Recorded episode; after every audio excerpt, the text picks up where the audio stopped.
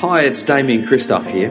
Are you ready to take your life to the most incredible level possible in 2016? Well, we've had three sold out wellness summits these last few years, but honestly, nothing comes close to the Wellness Breakthrough, and we have just three spots remaining. Your favourite wellness couch experts, the Wellness Guys, Karen Smith, Kim Morrison, Quirky Cooking's Jo Whitton, Marcus Pierce, and of course Carl Brock are gathering in the Dandenong Ranges for three days and two nights for one incredible event.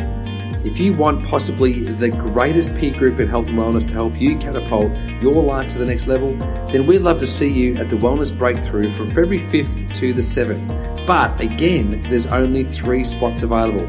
Entry to the breakthrough is by application only, and to apply, simply email your contact details to marcus at thewellnesscouch.com. TheWellnessCouch.com, streaming wellness into your lives. Welcome to Nourishing the Mother, featuring your hosts Bridget Wood and Julie Tenner. Hello and welcome to Nourishing the Mother. I'm Julie Tenner. And I'm Bridget Wood, and today we're talking about cultivating your child's emotional intelligence. And this has really been inspired, I think, by some of our, both of our recent experiences, particularly for me now that my son is talking a lot, mm. you know, and I can have these conversations with him, and it's so interesting to, you know, delve into how kids are feeling and where that's coming from. Mm. Well, I know, Jules, for you, you know, you've got quite a, you know, a couple of older kids. You would have really journeyed this one. Yeah, I really have. It's been kind of my whole parenting philosophy really that started with aware oh sorry with attachment parenting and moved into aware parenting is all based around emotional intelligence and comes off the back of my 10 years of emotional intelligence work on myself Yeah, yeah. So yes, but I'm really interested to really actually roll with what you've got, sort of entering this and coming into it as a mum that's um, kind of on that that cusp of it awakening. I'm more interested to see what has come up for you, what questions, what insights, and then kind of pull it apart from there. Yeah, I think for me recently, there's been a couple of events where I just reflected, wow, like I could so easily have shut that conversation down or shut down that tantrum or just ignored it because it probably would have been the easier thing than really being present with it. But there's a couple where I just stayed with it and the, the insights were gold. You know, like things like, you know, him not wanting to eat his lunch, which I found out was because the sausages were covered in something not separate you know, which we can dismiss however we want as adults. But for him, that was really important. And once I could understand what he was wanting and empathize with that, and then talk him around to perhaps trying this new way of having them, he was happy as Larry and he tried them and it was fine. But in that moment, I thought, wow, like I could so easily have just dismissed that and because we were in a hurry or whatever. But mm. that day I had time.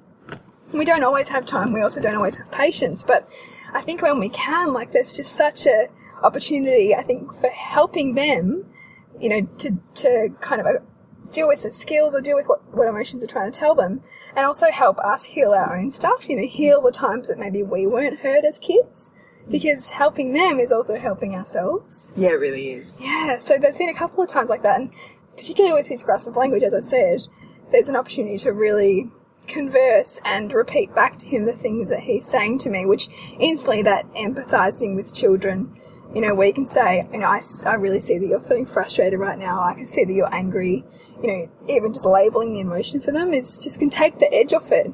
Know, Yeah, so for me, that's key when we're talking about emotional intelligence, is to actually get down to what the emotion is. Mm. So, despite whatever displayed form it's coming in, whether it's anger, aggression, tears, tantrum, whatever it is, is to get to what the feeling or the emotion is underneath, mm. and to say that back to them. So, you know, there'll be certain ages where it, it means absolutely nothing to them. Yeah. But the more that they have a feeling and then you're giving a label to it, the more that they starts to become part of their lingo and Yeah. they start to be able to draw on that as a resource for later in life when, you know, it then becomes very apparent and clear on how to handle themselves.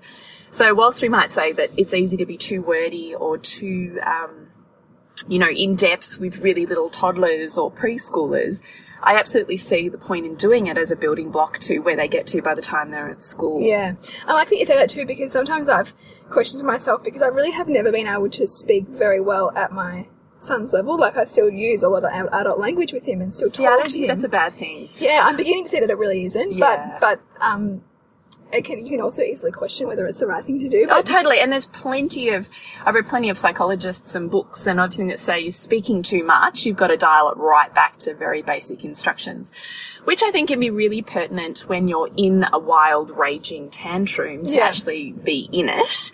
But either side of that, I think it's perfectly reasonable to be wordy and keep going until you get something that resonates with them. Mm, and it's, it's a constant process of trial and error. And I think you know sometimes we get it right, and you know you can cut through and you can have a resolution, and sometimes you really don't, and that's okay too because that's when they have to go inward and you know try and build their own resources on their own, which serves them as well. Mm.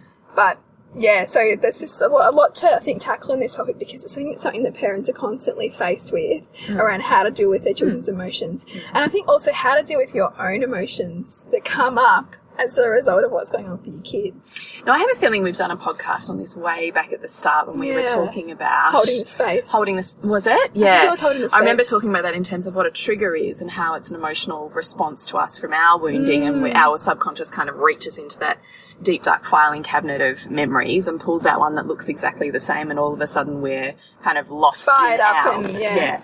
So it's really part of those tools. I would say look back on that podcast and certainly look into aware parenting as something that interests you. Yeah. But I think step number one for me in emotional intelligence for our kids is recognizing what is their shit and what is mm-hmm. our shit. Yeah. Because that defining line has, you know, I think probably been my the best tool I've ever done because what I'm often getting angry or triggered or upset by is actually my stuff, not their stuff. And, and your selfness, your self perhaps that you're projecting onto them. Totally. Yeah. That I'm lost in my own, so I can't be present to them because I'm just angry or Yeah. they're irritating me or Yeah.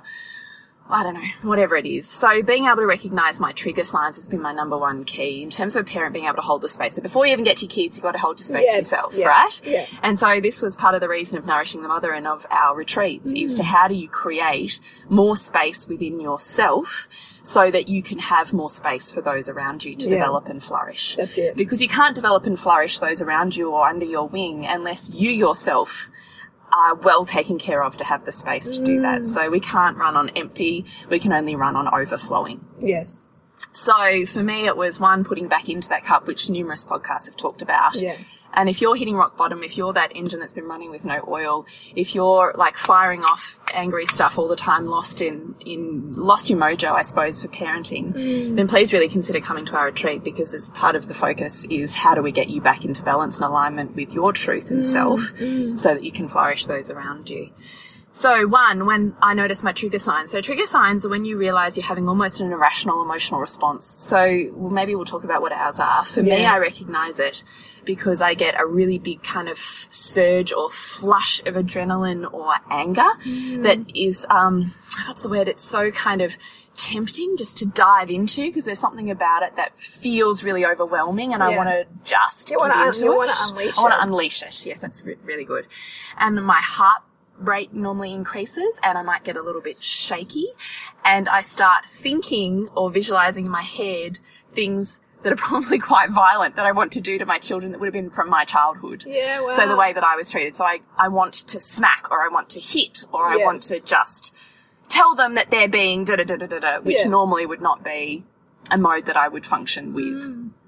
So I recognize these kind of out of control feelings as, oh shit, something's just triggered within me. Let's just draw the curtain on whatever's happening here. Now, there have certainly been times when I was learning tools to work with my own inner child Mm, stuff when I would walk away from my kids in their angers, tears, whatever, because it was not. It was not beneficial for me to stay in that with them because Yeah. I was too lost in my own Yeah. stuff. And I think that's also recognizing that and, and that being okay, being okay with that decision too. Let me tell you, mum walking away and coming back calm is way more healing than mum losing her shit. Yeah. And in those moments, do you, when you do walk away, if you have the presence of mind, do you tend to, you know, like say, you know, I'm feeling really frustrated or angry right now, I need a little bit of time to myself? Sometimes, and sometimes I'm so on the verge of releasing that beast Yeah. that I can't even open my mouth Yeah. for fear of where it might go. Yes. So sometimes I'm just, you know, I'll I'll be calm enough or the trigger's not as big and I can say, okay. Oh, it's, look, and sometimes it's role modeling too. Like sometimes, as I've said before, my son will press my, particularly will press my buttons to a certain point and I'll be tolerant, tolerant, tolerant, tolerant, can deal with it. And all of a sudden that's it. I've got nothing left. And I'll say to him, okay, if you're not going to leave the room and choose, as we said before, a list of ways to get back to balance, it's then my role to, my role to role model that. Yeah. So I'm now getting angry and plugged in, Heath. So I am going to take myself away and get myself back to balance before I come and talk to you again. Yeah. So even if he can be doing whatever he's doing, it's then my role to show him how that works. And that's really useful, and that's why I think the, you know our whole spectrum of emotions should be embraced, and where we can use them as tools for good. Like because you having those experiences of almost you know going off the handle and modeling how to, when you can, deal with that mm. is really useful for kids. I actually think it is as therapeutic, if not more, than necessarily staying there and being present to their emotional state. Yeah, yeah, But- because- that that then just repressing your own stuff, which is not helpful for you, and is also suggesting to them that their emotions are more important than, than your own, and that's not Or that they never know. get to witness that in action Yeah. or tools in action. So they have a kind of warped sense of what reality is, I think. And I think up. some of us would have grown up with that, you know, parents, Sure. you know, and I think my parents were, you know, kind of Behind argued closed behind doors. closed Yeah, doors, yeah, yeah. you know, and we're just that tense. emotional behind closed doors. Yes. You know, it wasn't okay to talk about death. It's not okay to cry in front of our kids. It's Yeah. not okay to, you know, all of that stuff. All of that, and I think that's probably pretty pretty typical, right? Yeah. Um, because I even find myself now, like, if I ask my son to, you know, ask himself, you know, where's the sadness coming from? You know, this sadness often comes with a message. You know, you can ask yourself what it's trying to tell you. Yeah, see, I love that. So I'm still working on that. Sometimes I'll get that and sometimes I use it totally for myself. Mm. Yeah. But I haven't totally clicked into to doing it with, my With kids, him. but I love that. I mean, he, he, he's probably too young to really comprehend it, but I don't think it's ever too early. no, to that's what I'm saying. You've got to start the building blocks. Yeah, and so now I'm thinking, okay, well, if I'm asking him to do that, then you know, the other day when I was just stomping around the house and really pissed off, and I still try- was trying to figure out why, you know, and that's what happens, right? Like we know, we, all of a sudden we just have this, you know, switch that's triggered, and we know we've got, mm. got our hate on for the whole mm. family, and mm. we're just pissed. You know, that's when I was saying to him, look, I'm just feeling really angry. I'm not quite sure, but I'm, I'm asking myself why. I'm trying to understand why I feel like Ooh, this that's clever. you know, because we don't always have the answers, and it's okay to tell our kids we don't always have the answers, because then that helps them to see that, okay, well, I need to ask myself what the answers are for me. Um, so, Which actually leads me into step two, because I often think emotional intelligence means much, they seem to be co-aligned with social intelligence. Mm. The more emotionally intelligent kids that I have witnessed also have a higher degree of social intelligence. Yeah. And therefore a greater ability to handle themselves in social and great communicators. Great communicators, great skills in the play yard. Yeah. Play yard? Whatever, at school. Yeah. Um, Playground. playground. Which is the more that they're able to recognize their own emotional state and have the tools or the ability to recognize what it is that they're feeling, the more they can recognize that in others mm. and have the skills for problem solving and working out problems socially within school itself, which I've seen to have enormous, enormous benefits. So it really works almost to cultivate empathy. You know, if they're able to see emotions coming up for themselves and understand what they mean or are trying to tell them, then they can also see those emotions flowing up for other kids and recognize themselves in them. And if that's been role modeled at home, so if you're role modeling at home empathy, so I see that you're feeling da da da da da da da, regardless of how I'm feeling, I see that you're feeling this and that your experience of this situation is da da da da. So in my house, we use a lot of I, I call them I statements. Mm. And to start off with, when I was really trying to ingrain this, I actually had a piece of paper on the wall that had the steps they needed to go through for a resolution of a problem before they sought out help from me. Now, initially, of course, I helped them do these steps, Yeah. but now I say And how them, old were your kids when you started to do that? probably four, Yeah. uh, five, four and five, something four and six, something like that. Yeah. Um, and it's and look, I start doing it with my niece and nephew too. So probably about four, I start using the I statement, and then I build on with it from then. So when we're talking about, because particularly for boys, I notice that boys have um, much less of an ability to sit emotionally in an empathetic space. I was laughing thinking about, yeah, that's my husband. Yeah, yeah, totally.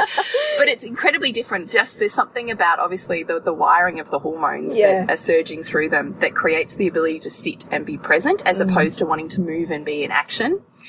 And so, particularly for my son, it- it sort of has come naturally for my daughter Yeah. but um, it gives her a voice in a situation. So before she, to stop her from being that, I'm going to say inverted commas, the tittle tattler, the one that comes and tells the teacher first or the mother first Yeah. or the da da da da is that she has a skill set of resilience to deal with a situation before she seeks further help. Yeah. And for my son, so he has the skill set to actually be present to emotions because he would rather just keep playing footy or mm. whatever the situation is. Do whatever it is to kind of get that out of his body quickly. Yeah, or just ignore it. Yeah. We'll just move on. Yeah. we don't we don't press stop on the play. Yeah. so this is what I say. So I say to my kids, right, if everybody's playing a game and everybody's happy, cool. If one person in that game, because we're big on inclusion, if one person in that game is not happy, what does that mean? That means the game stops, mum. Yes, that's right. So the game stops. We check in with that person. How do we check in with that person? Step one, you make physical contact. So you put a ha- an, your hand on their back, on their arm, on their knee, whatever it is that, you know, if they crouch down or they're crying or whatever. Step one, physical contact. Step two, eye contact. So you do your best to get into a position where you can create eye contact with that mm. person. Step three, um, regardless of whether it was an accident or not, I do work with them to try and say sorry. So, I'm sorry, so and so for so and so. Yeah.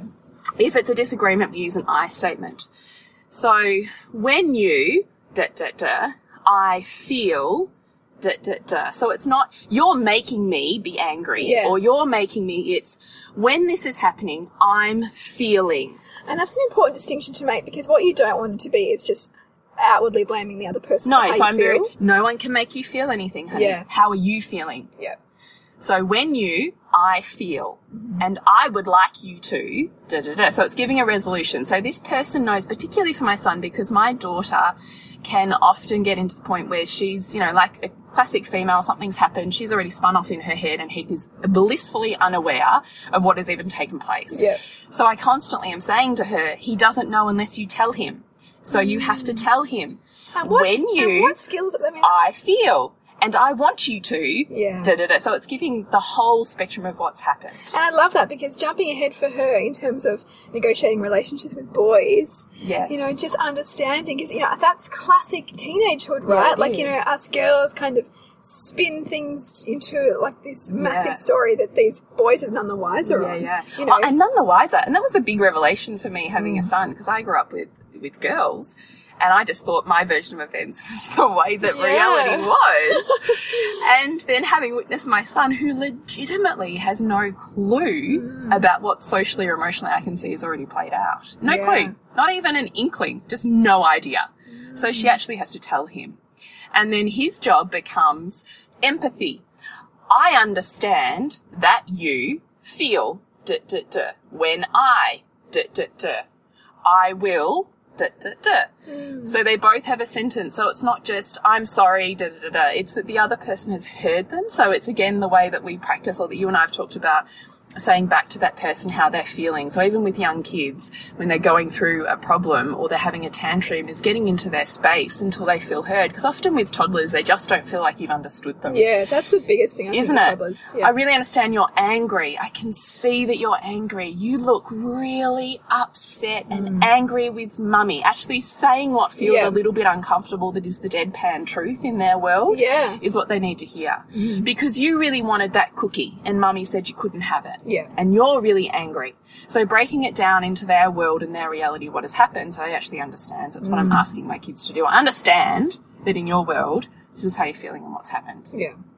And then the negotiations can start, and then they've got room to move on with that. And you know, that's when you can see also that that might actually be enough for them. So, so if there's a kind of only a low level, you know, tantrum, even just repeating back what's going on for them can take the edge off. Other times, that's not going to cut the, cut the mustard, and there's going to have to be a whole lot of, you know, continually offering choices or continually negotiating. Mm. But what I'm surprised about is just even how that first step of offering empathy and labeling the emotion can really be so powerful. so powerful, and that you that they feel understood by you. Yeah. So paraphrasing back to that adult, child, toddler, what their version of reality is. Mm. That doesn't have to be your version of reality. That doesn't have to be, in inverted commas, the truth of the situation. It's just you putting on their hat and saying, I actually understand what you're saying. Yeah. Because as soon as you get them on side, as soon as they feel heard, then you're in a much better place to actually start negotiations mm. on how to move forward. Mm. The other thing I would say is, is this is where I do come into a bit of aware parenting stuff with emotions is I don't always think you you have to sort out a resolution. So with aware parenting, they talk about emotions being really cathartic and really healing, right? We've all felt like this. You have that huge, you feel like you want to cry all day and then all of a sudden something happens and it's the straw that broke the camel's back and you're a wash of tears and then all of a sudden the tears subside and you kind of go, ah, that feels better It's almost like you really needed that good cry. that you really reset. Mm. So the idea kind of is that you've got a bit of an emotional debt collection, I suppose, happening within you. Yeah. That emotions don't disappear, that pains and hurts, emotional or physical, don't disappear. They kind of rack up. Yeah. And for little people that don't have our ability of going, I really feel like crying and look for a movie or an outlet or a friend to go and, and start that process with, mm. they don't have that ability. So they wait for something to happen. They stub their toe. They drop a toy. Mm. They can't have a cookie. And it is literally, whilst it seems like a huge over exaggeration of what the actual problem is, because all we're seeing is the cookie or the dropped toy. Yeah.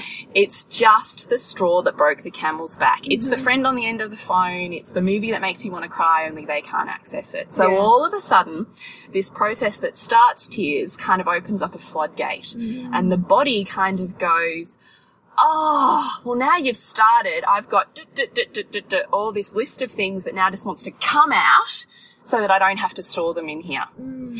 So that's what I want you to start thinking about with tears, particularly with tantrums and particularly with tears. When you're witnessing something that seems disproportionate to what has actually taken place, it's probably not the thing that's taken place. it's- It's the fact that they actually need a moment to heal. And mm. sometimes that can be pretty ferocious. Sometimes that can look pretty wild. Mm. Sometimes that can feel uncomfortable for us because it pushes our buttons because perhaps we spent a childhood of, you know, being told that we were suki lalas and it wasn't Yeah. okay, or the dummy shoved back in our mouths to stop us up, or that, you know, emotion was weak, or that you were being stupid, or oh, there's whatever no, it no time for that, and you know, pull your socks Yeah, up. pull and- yourself together. So all of that stuff is our stuff. So if you're feeling uncomfortable in holding, literally just holding your child while they sob, cry, rage, whatever it is, then that is your trigger and you probably need to start doing some inner child work on that. So the point is for me, when we're talking about aware parenting, and we're talking about tears. I'm not always interested in one giving a solution, to giving a compromise, or three negotiating because mm. sometimes I recognize they actually just need the stopper, the person to create a boundary that allows them to break open and wash over it Yeah. to then reset. And it's kind of like breaking a control pattern, I suppose. So they've mm. built something up that soothes them, that stops the emotion. And all of a sudden I'm saying, no, this is the line in the sand. Mm. And they, I'm in doing that, it, it feel, I guess on one way you could read it as harsh, but I'm looking at it as a very loving act because I'm giving them the wall in which that wave can wash over. Yeah, And I will hold that it's, a, it's a loving challenge for them to help them overcome you know, Yes. their own Yes. brick walls. And this is part of the, um, I don't know, the stickiness of parenthood, of motherhood, of really knowing your child and knowing when there's an incident that one, they need to use skills, tools, resilience for a negotiation to move through. Mm. And two, when it's they actually need a really good cry or a really good rage to reset. And let me tell you afterwards, after a huge cry, after a huge anger outburst, they will kind of go, and all of a sudden, that mm. sweet angel child that you've been missing will reappear because they've emotionally reset and you've held the space for them to do that, which is such a huge ability for them to witness it. You can't hold a space for another unless you yourself have had your space held. Mm. What a gift to give our children in knowing one how to to move through emotion, but two how to be held and held, hold another. Yeah. Like what a gift! That's an enormous gift. And, yeah, and there's so much more research coming out now about talking about how, you know, emotional intelligence is more important than IQ. Like this. this Yes, and in fact is- that they're intertwined. You can't have, Yeah. you know, the, the, the higher your intelligence socially, emotionally, and all of the rest, the higher your emotional intelligence goes Mm. Yeah. along with that. I don't know if I said that right, but you know what I mean. The higher every IQ is, the higher your emotional intelligence. Although is. sometimes, you know, as we know with people on the spectrum, you know, sometimes they can have an incredibly high IQ but not have very, very many social skills, you know, Yes. which can be, you know, as we know, a detriment to, you know, getting ahead in life or, you know, communicating with people, having connection, you know, all of those beautiful things that, that having and having and feeling and identifying with emotion can give us. So what else have we got on our list, Bridget? Because Bridget and I wrote a list before we started this to make We sure we ticked off the things that we wanted to go through. Yeah, we really, um, it's a big topic, you know, and, and I think, you know, every day, especially for me, like with the Oh my toddler, god, for every mother ever. you, your buttons get pushed every day, and it's like, oh, okay, I, that really, you know, got under my skin.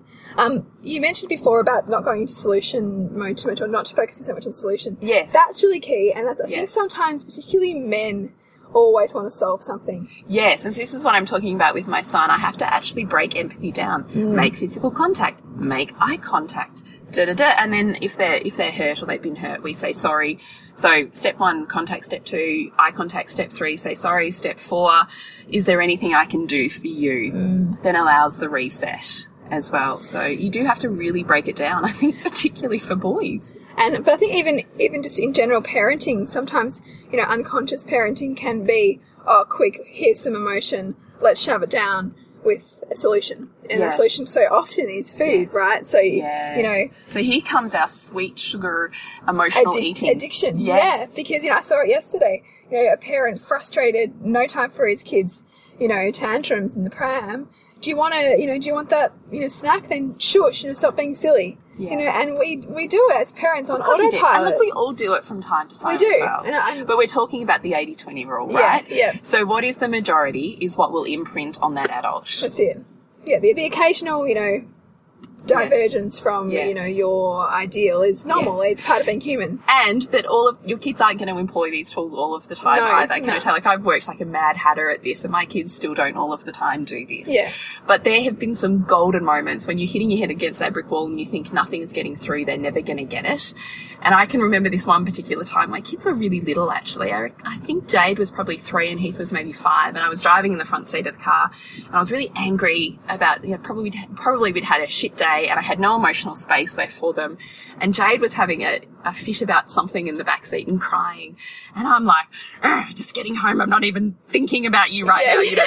and I, I could hear all of a sudden Heath in the back, who I constantly say, you know, his empathy like way down. And he turns to her and he goes, Oh, Jade, I can see that that really hurt your feelings and you're feeling really sad right now. Wow. And did this whole spiel of empathy that I didn't have the space to And do. isn't that beautiful? And he could employ for his sister when I because couldn't help because her. he knew you couldn't. How So he did it. amazing! And, that, and, and that's the perfection, right? So that that's where we need to also not get so headstrong and needing to be one way because you know somebody else will often come in to fill that space that you can't fill. You know, and that's a beautiful example. Uh, and look, and there's been moments of golden moments of those over the years where I just think, oh, his teacher, like only at the end of last year, said to me, "Oh my goodness, we sat around the classroom because they've had grade three, a lot of social issues. It's like the year nine of primary school." Yeah. And she goes, "We started talking about this, and I said to to the class, you know." What do we do when one of our friends is hurt? And Heath puts up his hand. She's like going like this. and he goes, well, we go step one, step two, step three. So, and he brought up this whole thing that I had like been going gangbusters with him all week because he hadn't been doing it with his sisters. And here he is, like this little angel child spurting this information out. And his teacher's going to me, oh my God, it was amazing. And I'm going, right. So he can do it at school. But he can't but do he it can't at do it at home. That's awesome. Yeah. so I also think don't disregard even if you're not seeing at home Yeah. how they're employing that on their own as Yeah. an individual. And I guess don't don't don't judge that they're not getting it because maybe they are, but they're just doing it in their way. yeah. You know, and when it's when it suits them. yeah. Um, another thing that I like to do that I'm just starting with now with Hugo is getting him to um, identify where he feels the emotion in his body. I love that. Mm. I love that even as a tool as women. Yeah, Is because what is the feeling and where are you feeling it? and it's because so often, particularly as adults, we have become so disconnected with our bodies and with our feelings that starting with our children at such a young age and really feeling, helping them to know what it feels to have a feeling in your gut or know what it feels to have your throat tighten up. You mm. know, oh, all those, those are gold because our bodies, our subconscious mind, our bodies revealing to us little um, things about ourselves or the way we think that we don't often want to know or see. And if the physical manifestation is actually, in essence, an emotional or belief system based thing, then being able to locate where in the body is feeling that tightening, that pushing, that uh, tension allows the gateway for further conversations around, well, what, like you were saying, what is that telling you? What is the message Yeah. that comes with that? Because we can hone in on the body part and we can hone in that it's just a feeling. We're not being suffocated. It's just an identifier of something that wants us to notice it, Mm. then the more resourced we are for actually shifting those belief systems and moving forwards. I love it. I know. So I, I really um, love that we're doing this because I need a reminder to actually do those things more often because I phase in and out of them a bit. I think this would be one of the podcasts that you and I both listen to. I think it be. But I love that because I do it for myself. Yeah. So it makes sense to kind of do it for our kids to say, what are you feeling? Where are you feeling it? What is its message? And even if they don't have an answer, just going, that's okay. Yeah. I see that you're feeling really, and da da da da da. And off you go and all that, that, tools that, that can about. start to become, you know, as it was, you know, for Heath, you know, regurgitating that information, that can start to become their own internal dialogue, which is beautiful, you know, and even if they get it, you know, 50% of the time, then it's, Oh, can you Yeah. imagine? It's off to a better start than I was yeah, at bloody 25. Yeah, and I think, you know, this is stuff that so much of us are trying to claw back as adults, and imagine imparting that on all of our children. Mm. You know, how, what a rich life that they've experienced and, and, you know, identification with others that that gives them. But word of warning, go gently. Yes. Before you ever enter a wounding of your child's, you need to check in with yourself. Mm. Do you have the space right now for holding this wherever it goes? Yeah. Because if you don't, don't start it. Yeah. Because you never lose an opportunity with emotion. This is what I want to get through Mm. to. Is it doesn't ever go away.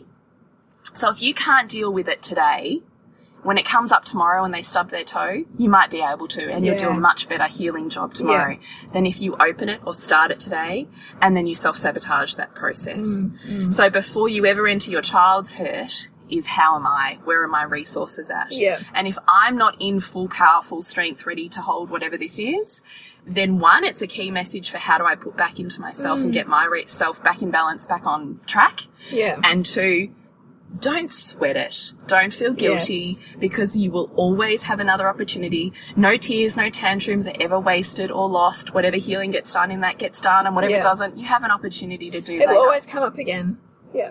So also, you know, hands off and back to checking in with ourselves and what our resources Mm. are like. Filling our cups so we can fill those around us. That's it.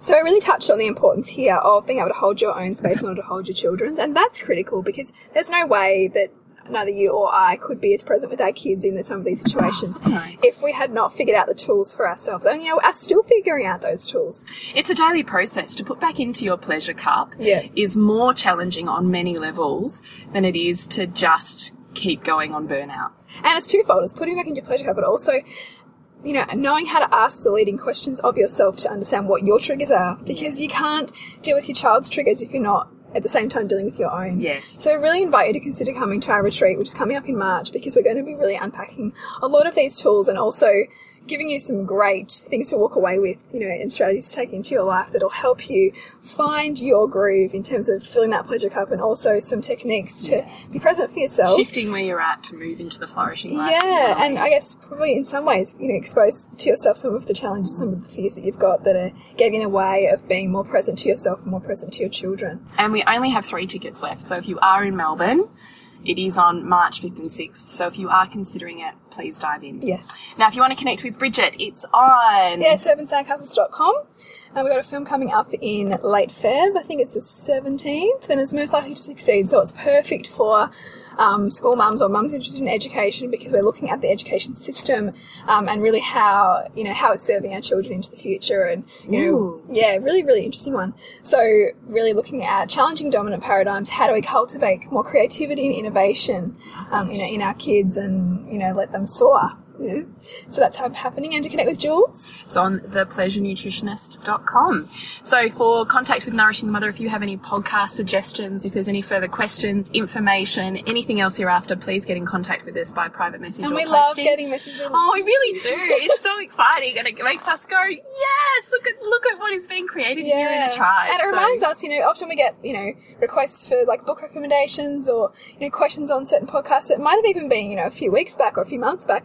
And that reignites our interest in those themes. Like, you know, even yesterday I'm like, yeah, I've got to order that book, you know, that I recommended to this woman. So, like, you know, you're always inspiring us. Yeah. So we'd, we'd love to invite you to connect. Absolutely. So that's Facebook forward slash nourishing the mother. So until next week when we continue to peel back the layers on your mothering journey. We hope you enjoyed this Wellness Couch podcast brought to you by Audible. Do you find that you just don't have time to read all the awesome books that you hear mentioned on the Wellness Couch? Well, Audible might just have the answer. Audible is offering the Wellness Couch listeners a free audiobook download with a free 30 day trial to give you the opportunity to check out their service. You can get books like Eat Right for Your Blood Type, Why We Get Fat by Gary Taubes, Paleo Diet for Athletes, or even The Success Principles by Jack Canfield. So to download your free audiobook today, go to audibletrial.com forward slash The Wellness Couch. Again, that's audibletrial.com forward slash The Wellness Couch for your free audiobook.